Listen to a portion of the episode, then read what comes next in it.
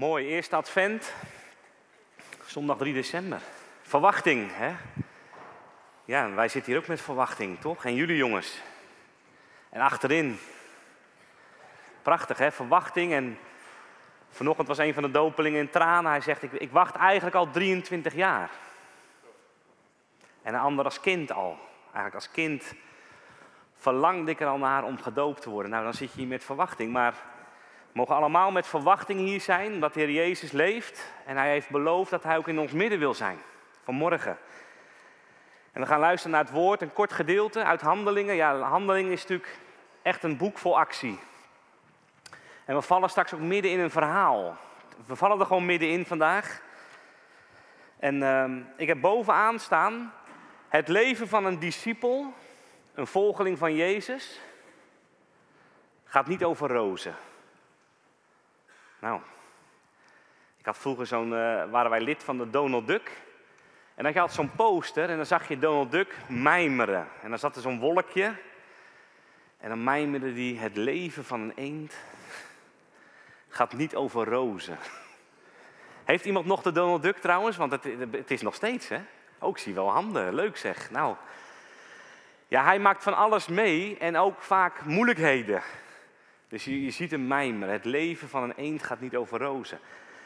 En tegelijkertijd, dit gedeelte wat we lezen laat ook iets zien over het leven van een discipel gaat niet over rozen. In de zin van, het is niet allemaal roze geur en maneschijn. Als je Jezus gaat volgen. Nou, wij hebben erover gesproken. Je zit hier misschien wel als discipel van Jezus, misschien ben je nog geen discipel. Heb je het ook ervaren van inderdaad, het is niet altijd roze geur en maneschijn. En tegelijkertijd zou je misschien wel willen zeggen, ik zou niet anders kiezen en willen hè, dan een discipel van Jezus te zijn. Nou, laten we het gewoon gaan lezen, Handelingen 14 en dan de versen 19 tot en met 22. Vier versen. Men noemt dat ook wel Paulus zijn eerste missie, missiereis. Samen met Barnabas. Zijn samen op missiereis. Later gaat Paulus nog drie grote reizen maken. Maar dit is al een eerste missiereis. En hiervoor waren ze in een stad en daar genazen, genas Paulus een verlamde man vanaf zijn geboorte. En dat zijn heidenen en die denken, wauw, Zeus en Hermes zijn gekomen. Griekse goden. Moet je kijken wat er gebeurt. Die verlamde man. Die komt zomaar opstaan en die loopt voor het eerst in zijn leven. We moeten offers brengen aan deze twee mannen, Paulus en Barnabas. En dan zeggen ze: Nee, nee, niet doen. Wij zijn maar mensen. Dit is de kracht van God. Maar dan gebeurt het volgende, vers 19. Nadat dat gebeurd is. Kwamen er Joden, handelingen 14, vers 19. En verder. En toen kwamen er Joden uit Antiochië en Iconium die de massa overtuigden. En zij stenigden Paulus en sleepten hem de stad uit omdat ze dachten dat hij dood was. Maar toen de discipelen hem omringd hadden, stond Paulus op en ging de stad in. En de volgende dag vertrok hij met Barnabas naar Derbe, een stuk verder. En nadat zij aan die stad het evangelie verkondigd hadden en veel discipelen gemaakt hadden, keerden zij terug naar Lystra, Iconium en Antiochië. En zij versterkten de zielen van de discipelen, spoorden hen aan in het geloof te blijven en zeiden dat wij door veel verdrukkingen in het koninkrijk van God moeten binnengaan. Nou, tot zover. Ik zeg al, we vallen er middenin. Er is net een wonder gebeurd. De mensen willen offeren alsof het Griekse goden zijn. En dan zeggen ze niet doen. En dan komen er Joden uit de plaatsen waar ze al geweest waren om het evangelie te brengen. En die stoken de massa op. En Paulus wordt zelfs gestenigd en voor dood achtergelaten. En dan gaat de missiereis gewoon verder. Hij staat op en de volgende dag reist hij dan verder naar een stad om het evangelie te brengen. En ik wil hier drie dingen uithalen. Ten eerste, hoe word je eigenlijk een discipel? Staat hier iets over in. Hoe word je een discipel? En het tweede, hoe blijf je een discipel van Jezus? En als derde, de kracht van het evangelie zien we ook hierin. Nou, het eerste, hoe word je een discipel? Want Paulus gaat die stad in en er staat er dat ze in die stad het evangelie verkondigden. En als ze dat gedaan hebben, dan maken ze veel discipelen. Het is een werkwoord. Zij maken daarna veel discipelen. Dus hoe word je nu een discipel? Ik dacht, dat nou, het allerbelangrijkste is natuurlijk het eerste dat je het evangelie hebt gehoord. Als je het evangelie, het goede nieuws van God, niet hebt gehoord of niet kent, kun je nooit een discipel van Jezus worden. Want een discipel van Jezus heeft het goede nieuws gehoord van God uit. En die heeft erop geantwoord door te zeggen: Ik keer mij om van Griekse goden, van aardse goden, van wereldse goden, afgoden, van geld of rijkdom of waar ik ook voor ga, waar ik ook voor leef. En ik keer mij tot Jezus. Omdat ik dat goede nieuws heb gehoord, dat goede nieuws van God. wat is dat dan, dat goede nieuws van God? En als je het begin leest van Handelingen, zie je het gebeuren bij de uitstorting van de Heilige Geest. Dat Petrus daar dan staat en die brengt dat goede nieuws. En dan zegt hij ook tegen al die mensen daar in Jeruzalem: Je moet zeker weten dat Jezus, die jullie gekruisigd hebben. Moet je voorstellen, hè? Ze waren daar gewoon bij, bij heel die geesteling van Jezus, de kruisgang van Jezus, en dat hij daarna aan het kruis geslagen is. En dan zegt hij, die Jezus die jullie gekruisigd hebben en die begraven is, hij is niet alleen gekruisigd, hij is begraven in een graf.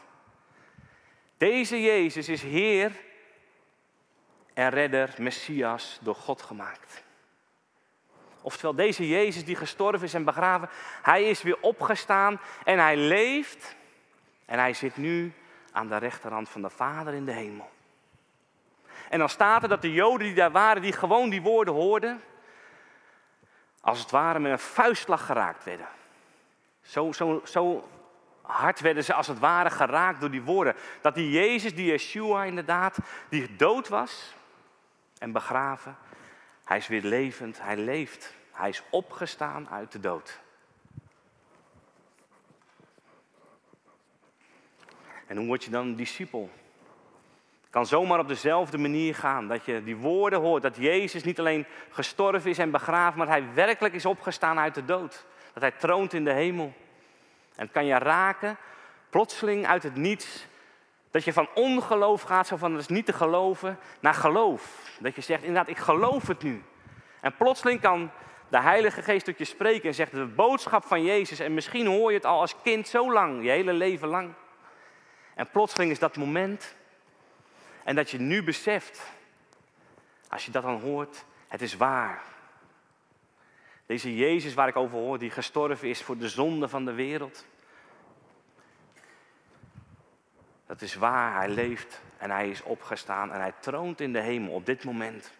En omdat hij leeft, kan hij ook in ons midden zijn door zijn geest. Er kan zomaar een moment komen in je leven dat je voor het eerst denkt, en nu geloof ik het. Je gaat van ongeloof naar geloof. En je gaat van je eigen leven, ga je naar een leven achter Jezus aan. Zo word je een discipel. Maar het komt altijd omdat je het goede nieuws, het evangelie hebt gehoord. En dat je op dat moment zegt, en nu antwoord ik daarop. Hè? Nu antwoord ik daarop. En David Paulson noemt het een geboorte. Als je een discipel van Jezus wordt, dat moment zeg maar, kan soms ook een heel proces zijn. Ik hoor ook heel vaak van mensen gewoon heel eenvoudig. Ik was van de week bij een oudere vrouw. Die zegt, mij, mij was het een proces. Ik had als kind thuis niks gehoord over Jezus, over God. Wij waren atheïstisch thuis, zelfs tegen, tegen alles wat met geloof te maken had. Maar er was iemand die zei, kom, jij gaat in het kinderkoor kinderkoor van de kerk. En ze zegt, ik hoorde verhalen, nou ik snapte er helemaal niks van. Maar ja, ik moest zingen en ik moest die verhalen uitspelen als kind. Nou ja, ik deed dat maar. En toen mijn vader erachter kwam wat dat voor plek was, dat het ook over Jezus ging, ja, toen was het niet zo fijn. En toen mocht ik niet meer gaan. Maar op het moment dat ik volwassen werd en zelf mocht kiezen, ging ik weer terug. En al, langzaam, toen al die verhalen weer terugkwamen, kwam ik eigenlijk tot geloof. Het kan soms heel een proces zijn. En soms kan het een moment zijn. Dat je beseft, het is nu het moment en ik, inderdaad, ik laat me dopen. Nu is de tijd. En ik ga dopen onder in water en ik laat me ook vullen met de Heilige Geest. Een geboorte. Dat is ook wat we vanmorgen gaan zien in het bad. Je antwoordt op het evangelie. Het is als het ware een nieuwe geboorte. En je wordt een volgeling, een discipel van Jezus. Hoe blijf je een discipel dan? Hoe blijf je een discipel van Jezus? vandaag worden jullie gedoopt. Je laat zien, ik ga Jezus volgen, ik hoor bij Hem. We hebben gezegd ook, je gaat de naam van Jezus dragen. Hoe geweldig is het om de naam van Jezus te mogen dragen. Elke discipel van Jezus draagt de naam van Jezus. Niet meer van ik, niet meer van de wereld, maar zeggen Jezus staat daar. Ik mag zijn naam met trots, met eer dragen. Zo sta ik ook in deze wereld. Maar hoe blijf je dan een discipel van Jezus? We zien namelijk hier dat Paulus, als hij in die steden geweest is, daar heeft hij ook het evangelie gebracht en discipelen gemaakt. We zien dat Paulus weer terugkeert. Hij besluit om vanuit Derbe, die stad waar hij dan is, om weer terug te keren naar de plaatsen waar hij geweest was. En eigenlijk is het heel onlogisch. Heel onlogisch om terug te gaan. Ik bedoel, hij is in de plaats waar hij vandaan kwam, is hij bijna gestenigd. De plaats daarvoor. In de vorige plaats is hij gestenigd en voor dood achtergelaten. Dus hoezo ga je van Derbe dan weer terug naar Iconium? Daar was je gestenigd. En die plaats daarvoor werd je bijna gestenigd en moesten ze vluchten. Hoe kom je erbij om nou terug te keren? Je kan beter verder reizen, Paulus, want dan kwam je in je geboorteplaats, Tarsus. Daar was je waarschijnlijk veilig, daar was je familie. En als je dan nog een stukje door zou reizen, nou, dan zou je weer in Antiochië in Syrië komen. En daar was de gemeente. Nog veiliger. Maar Paulus beseft, je kan een discipel worden van Jezus, maar de andere vraag is, hoe blijf je een discipel in je leven van Jezus? Hoe blijf je dat? En hij beseft, ik heb daar discipelen gemaakt, ze zijn tot geloof gekomen, ze zijn gedoopt, maar ik moet niet voor mijn veiligheid kiezen, maar ik moet weer terug naar diezelfde plekken waar ik vervolgd werd. Ik moet er naar terug. Ze zijn pas net tot geloof gekomen. Ik wil teruggaan. En wat doet hij dan? Wat hebben we net gelezen? Daar staat er, zij versterkten de zielen van de discipelen. Daarom wilde hij terug. Hij wilde ze versterken. Dat betekent zoveel als bemoedigen. Bemoedigen. Moed inspreken om een discipel van Jezus te blijven. Nou gemeente, dat moeten wij bij elkaar doen. We moeten elkaar versterken, bemoedigen om een discipel van Jezus te blijven. Ook straks bij jullie.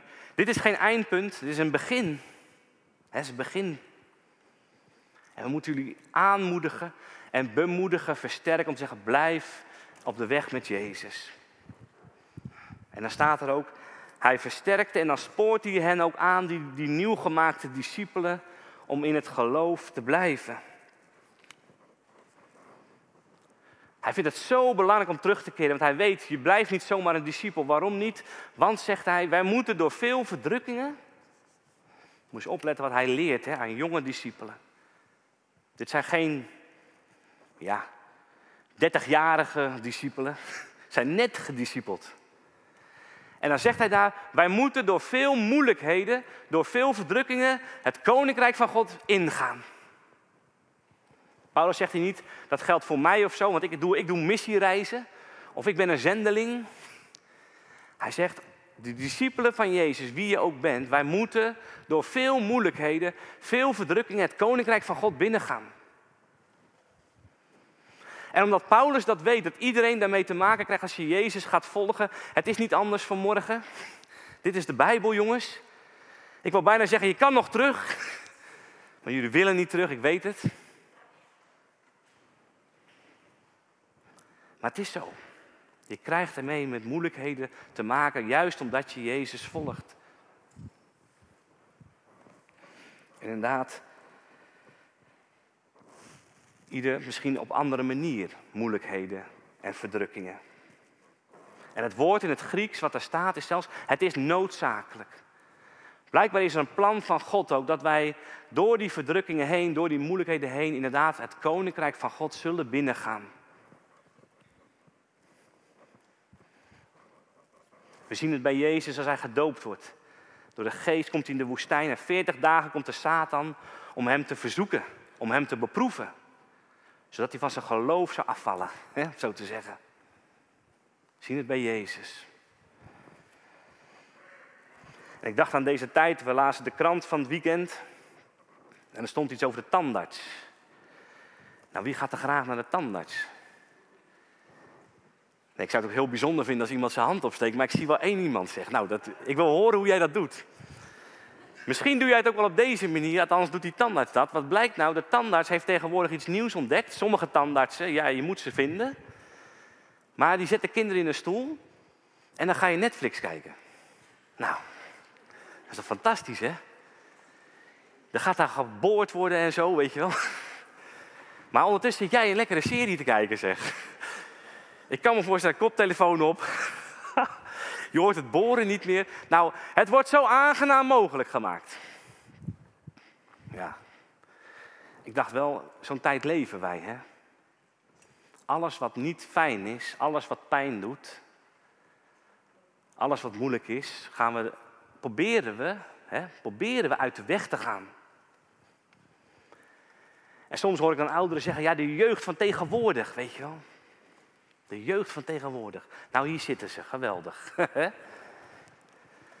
maar de generaties hiervoor maken dat we een maatschappij hebben gekregen, en ik hoor daar dus zelf bij, dat alles maar zo makkelijk mogelijk wordt gemaakt. En elke moeilijkheid, ook voor onze kinderen, gaan we uit de weg. Willen we weghouden. Nou, als je Jezus gaat volgen, het spijt me zeer, maar Jezus zegt, het is inderdaad in die zin noodzakelijk dat wij door veel verdrukkingen het koninkrijk van God binnengaan. En Paulus zegt daarom: versterk elkaar. Versterk de zielen van de discipelen. Versterk elkaar, bemoedig elkaar om de weg van Jezus te blijven en spoor aan. Soms vermanen is dat woord vertaald, soms met aansporen of bemoedigen. Zit er allemaal in. Hebben we allemaal nodig. Om dat te doen, want we volgen Jezus. En we willen Hem blijven volgen. En dan heb je elkaar zo nodig dat begin wat ik las, dat die discipelen dan, als Paulus daar voor dood ligt, dan gaan die discipelen, vond ik zo'n mooi beeld. De discipelen uit die plaats gaan om hem heen staan in een cirkel. Ik vond zo'n mooi beeld. Ik dacht, dat is versterken, weet je wel. Hij ligt daar voor dood. En ze gaan om hem heen, een cirkel. En straks kom ik daar nog op terug, wat er misschien gebeurd is. Maar versterken en aansporen. Weet je, het is geweldig. Ik heb ook van jullie dat gehoord. Maar als je ouders hebt die je versterken en aansporen om Jezus te volgen. Als je grootouders hebt die je versterken en aansporen. Of als je vrienden, vriendinnen hebt die je aansporen en versterken. Dan ben je gezegend. Hè? Maar ik weet ook, sommigen hier zitten. En we hebben ook een dopeling. Van wie de ouders dat niet doen. En van wie de grootouders dat niet doen. En zijn vrienden ook niet dat doen. En jij zit hier misschien ook wel. Je denkt, nou, mijn ouders, mijn grootouders en mijn vrienden zullen mij niet aansporen om Jezus te volgen. En weet je wat God dan doet? En dat is Gods geweldige plan met de gemeente ook, het, zijn lichaam. Dan zegt hij, ik geef je een nieuwe familie. Een nieuwe familie, we hebben het er ook over gesproken. God geeft je een nieuwe familie en zegt, kijk om je heen, dit zijn jouw broers en zussen vanaf nu. Als je mij gaat volgen. En die gaan jou omringen. Dat mogen we doen hè, voor elkaar. Omringen. Om jou heen staan, om elkaar heen staan. En zeggen wij versterken en we bemoedigen je om Jezus te blijven volgen. En we sporen je daartoe aan. En dan tot slot.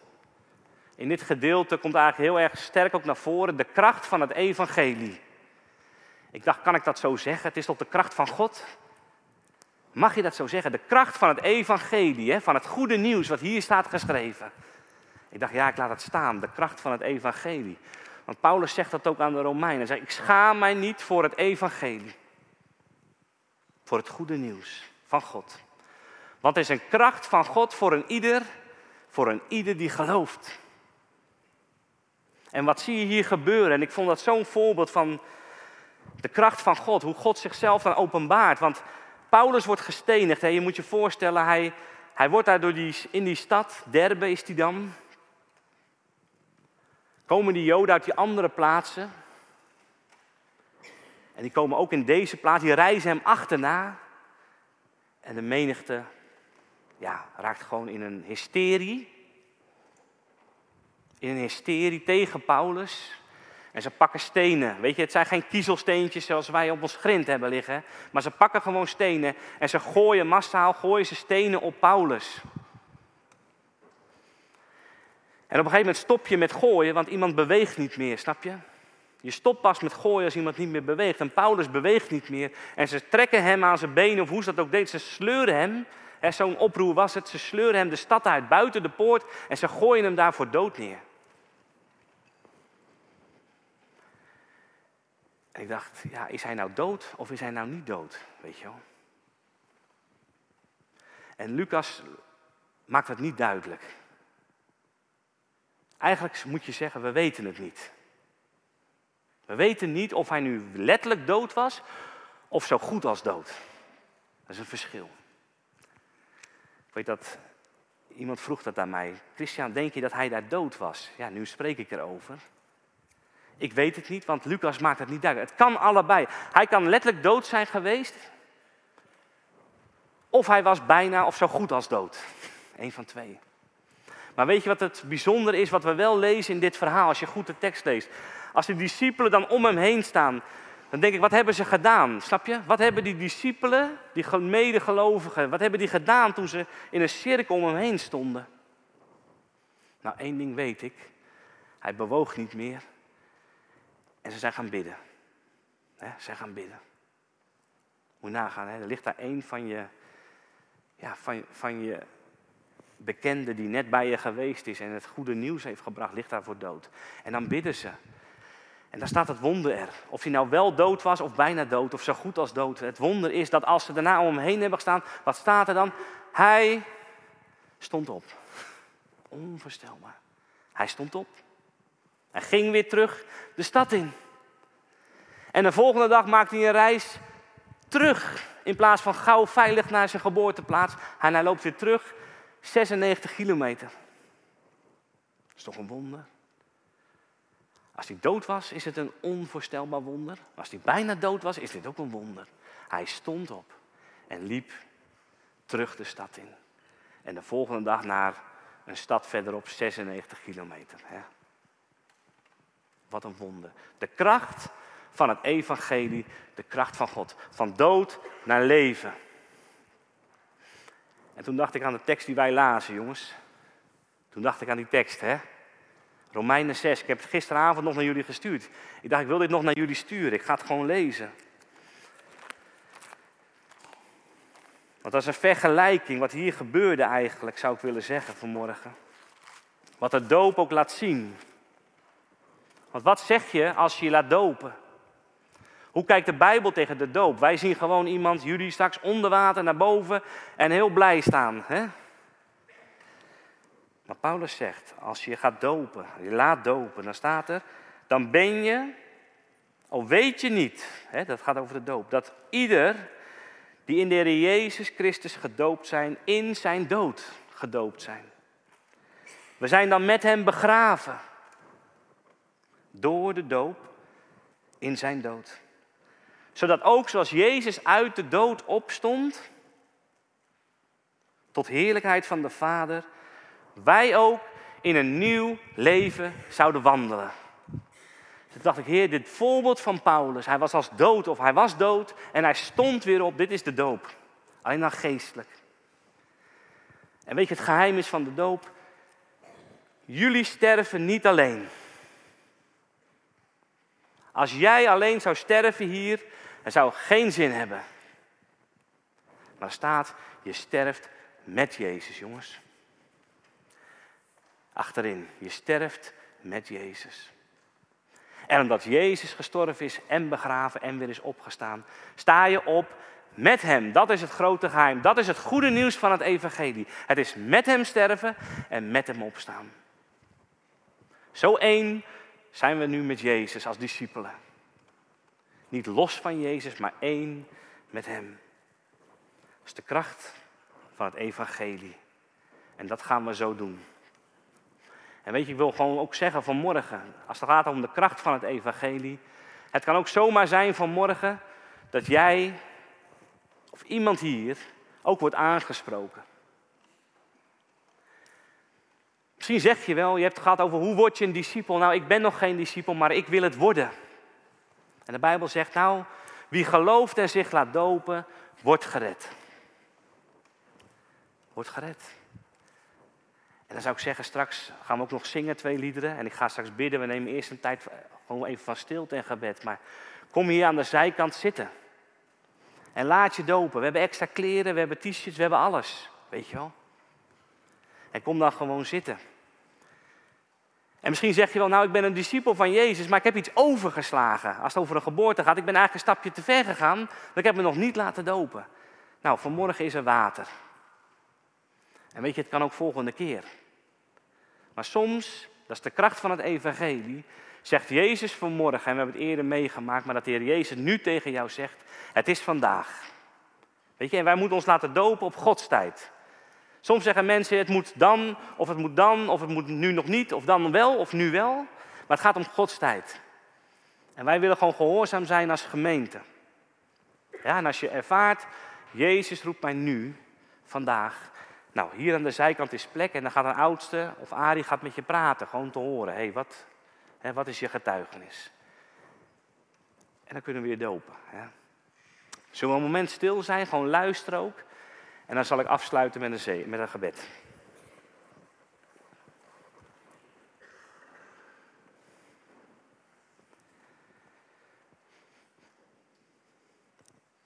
Hemelse Vader, we danken u voor het evangelie, Heer, het goede nieuws. Heer, u gaf uw enige geboren zoon, Heer. Prijs uw naam daarvoor. Heer, ik bid ook om geloof, Heer, daarin. Niet een verhaal is, maar dat het werkelijkheid in ons leven mag worden, Heer Jezus. Dat u uw leven gegeven heeft. Omdat ieder die gelooft, Heer, gered is en gered zal worden. En niet verloren gaat, Heer. We prijzen u daarvoor. Heer, we danken ook voor geloof in de harten van de dopelingen, Heer. Dat u tot hen gesproken heeft en gezegd heeft, nu is de tijd. Heer, we prijzen uw naam daarvoor. Heer, en u weet ook, Heer Jezus, wie u vanmorgen ook roept. En ik wilde ook tegen je zeggen, in alle vrijheid, als je ervaart dat de Heer Jezus je roept, kom straks naar voren tijdens de liederen, ga zitten. En misschien mag jij vandaag gedoopt worden, Heer. Heer, maar ik bid ook voor ons zoals we hier zitten, Heer, als we discipel van u zijn, Heer, dat we misschien wel ontmoedigd zijn geraakt, verzwakt zijn geraakt of of lauw zijn geworden, Heer Jezus. Dat u vanmorgen zegt, ik wil je weer in vuur en vlam zetten door mijn geest en woord. En dat je weer, ik wil je aansporen om mij weer te volgen. Zoals je gedaan hebt. Heer, kom met uw geest, Heer, om het vuur ook weer aan te wakkeren in ons midden. Heer, we danken, Heer Jezus, voor de kracht van u, Heer, van de geest ook. Om te midden van moeilijkheden stand te kunnen houden Heer, en ik dank u ook voor elkaar, Heer, zoals we hier zitten als gemeente, als medegelovigen. Dat we elkaar mogen helpen en aansporen, Heer. Ik dank u daarvoor in de naam van Jezus. Amen. Amen.